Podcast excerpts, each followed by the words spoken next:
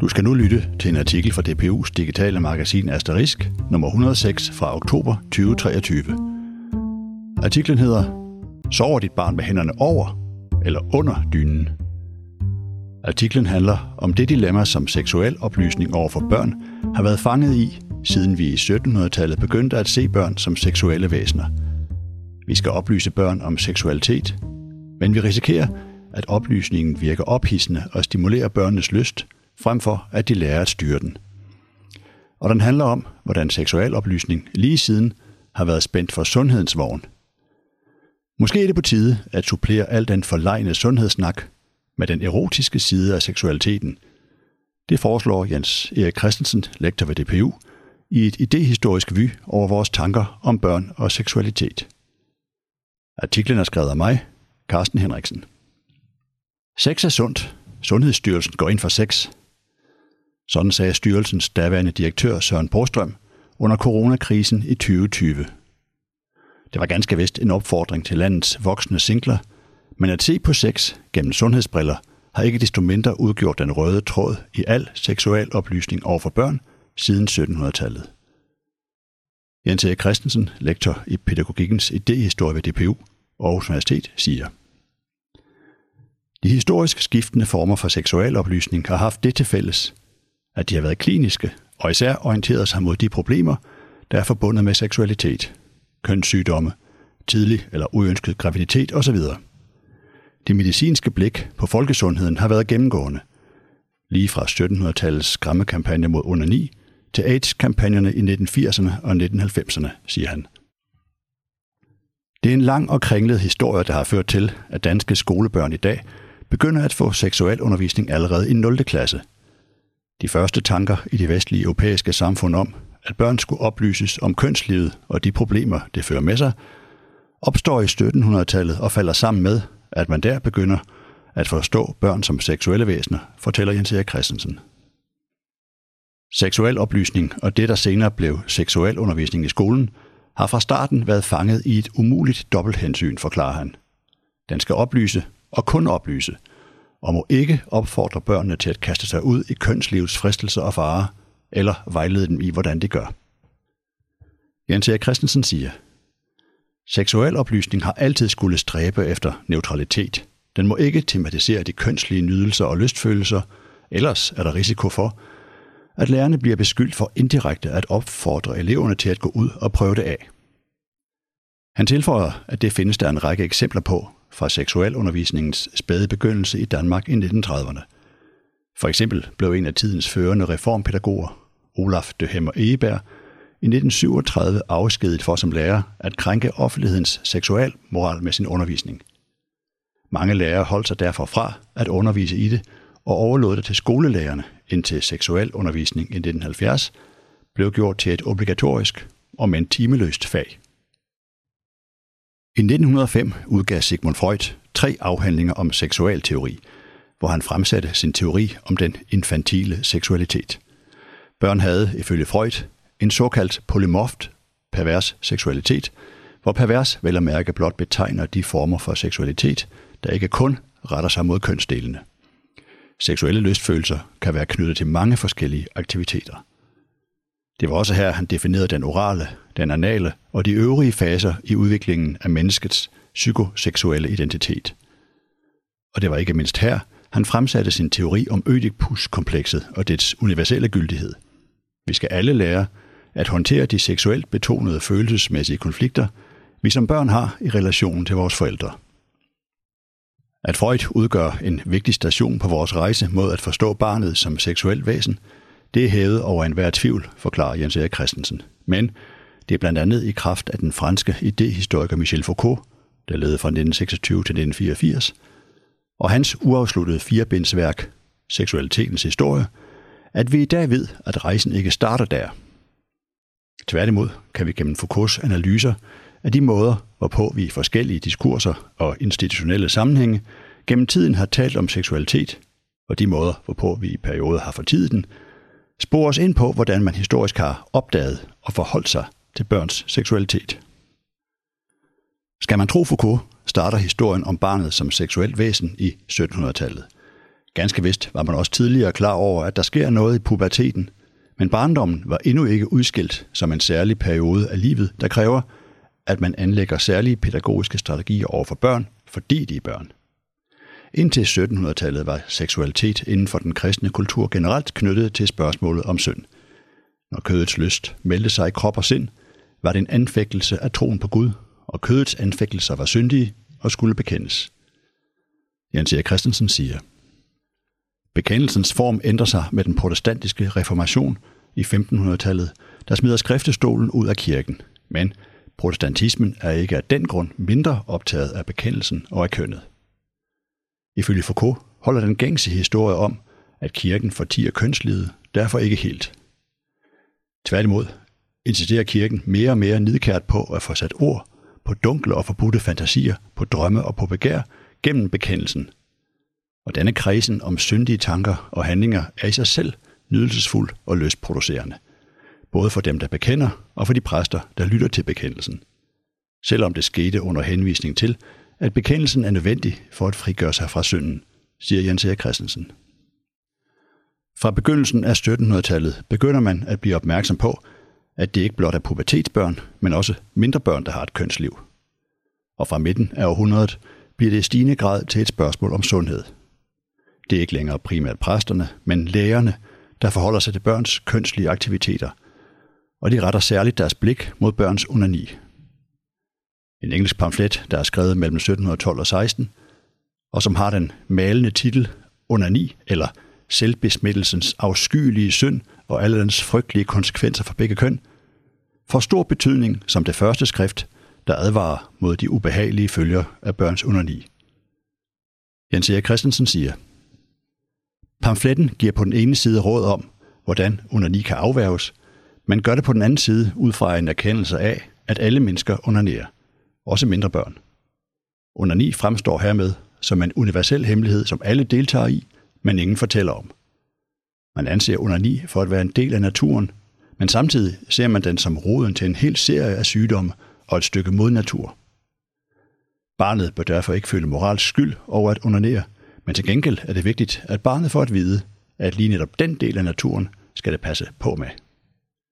At onani i sidste halvdel af 1700-tallet bliver fremstillet som en kæmpe sundhedsfare, fører altså til, at man opdager og begynder at forholde sig til barnet pædagogisk som et seksuelt væsen, siger Jens Erik Christensen. I 1760 udgiver den svejsiske læge Tissot sin afhandling om onani. Afhandlingen udløser en bølge af pædagogiske skrifter i blandt andet Frankrig og Tyskland, der alle vil rådgive og formane børn om, at de ikke må onanere. 1700-tallets officielle lægevidenskab, og i 1800-tallet også psykiatrien, mente nemlig at have knækket koden bag alle kendte fysiske og psykiske sygdomme og lidelser, der i sidste ende kunne føres tilbage til en grundlæggende årsag, nemlig overdreven onani. Kampen mod onani, der også ihærdigt bliver ført i Danmark, bliver sindbilledet på seksualoplysningens indbyggede catch-22. Lægevidenskaben anser onani for at være et kæmpe sundhedsproblem, som man derfor er nødt til at oplyse om, men man risikerer, at man netop gennem oplysning tilskynder til det, oplysningen skal advare imod. Jens Erik Christensen siger, Kampagnen mod onani skal tjene til skræk og advarsel, men oplysningen kan i sig selv virke ophidsende. I oplysningstiden i 1700-tallet bliver det opfattet som naturligt, at børn onanerer. Det er et sundhedstegn, der viser, at deres krop og kønsorganer udvikler sig, som de skal frem mod puberteten. Men det er samtidig naturstridigt, fordi det skader sundheden. Onani må derfor bekæmpes, selvom skræmmekampagnens underforståede præmis er, at alle mennesker til alle tider har onaneret, siger Jens E. Christensen. Selvom udgangspunktet for kampagnen mod onani er medicinsk, er det ud over forældrene de pædagogiske institutioner, der får til opgave at udkæmpe kampen i praksis. Der sker derfor, med Foucaults ord, på samme tid en pædagogisering og patologisering af barnets køn, forklarer Jens Erik Christensen. Han siger, i skoler, og især på kostskoler, blev der truffet alle mulige forholdsregler, lige fra hvad læreren skal være på vagt overfor, hvordan man kan se på et barn, at det onanerer, hvordan toiletter bør indrettes, så man kan overvåge, hvad der sker, og hvordan klasselokaler bør møbleres, så læreren kan holde øje med, at eleverne ikke sidder og undernerer under bordet osv. På kostskoler og kollegier overvågede man, hvordan børnene sov, og der var kontrol med, om de sov med hænderne over dynen, og hvornår lyset blev slukket, siger Jens Erik Christensen. Det medicinske blik på onani, eller masturbation, byggede i 1700-tallet stadig på den klassiske teori om de fire kropsvæsker, blod, slim, gul galle og sort galle. Hertil kommer for drengenes vedkommende sædvæsken, og når man udtømmer den, så ødelægger man balancen mellem de andre. Er de i balance, er man sund, men kommer de i ubalance, er vejen banet for sygdom. Onani var dog ikke kun farlig for drengene. For begge køn var der patologiske komplikationer forbundet med onani, og den tids lægevidenskab mente for eksempel at vide, at onani ødelægger kønsorganerne. Kampagnen mod onani var altså i sidste ende befolkningspolitisk begrundet. Man frygtede simpelthen, at den voksne befolkning ikke kunne reproducere sig selv, fordi den med al den onani i barndommen havde slidt sine kønsorganer op. Jens Erik Christensen siger, Selvom børn nu blev opfattet som seksuelle væsener, var det en meget snæver forstand. Deres seksualitet ytrede sig gennem onani, der blev set som en slags naturlig udtømningstrang, et rent mekanisk fænomen, der kunne forstås medicinsk. Det var først i midten af 1800-tallet, at en læge fik den tanke, at når børn onanerede, var det fordi de faktisk fik nydelse ud af det. Ellers var al snak om lyst og nydelse fraværende i den medicinske diskurs, siger Jens Erik Christensen. Det var den også hos grundlæggeren af den moderne pædagogik, den franske filosof Jean-Jacques Rousseau, der i bog 4 af Emil, eller om opdragelsen, fra 1762 bakser med seksualoplysningens dilemma i forhold til barnets seksualitet. Da drengen Emil kommer i puberteten, lægger Rousseau ikke skjul på, at det er en svær periode, fortæller Jens Erik Christensen. Men Rousseau mener ikke, at man bør tale med børn om kønslivet allerede i den alder. Det bør udskydes, for man risikerer at vække barnets fantasi for tidligt og i en forkert retning. Den unge Emil bør derimod leve i lykkelig uvidenhed og uskyldighed, indtil han bliver 20 år, og først derefter kan man tale om forplantning og det monogame ægteskabs lyksaligheder. Jens Erik Christensen siger, her adskiller Rousseau sig ikke fra tidens gængse tilgang til seksualoplysning, der som regel byggede på den gamle historie om bier, der bestøver blomster. Og sådan er det også med mennesker, som det hedder Emil.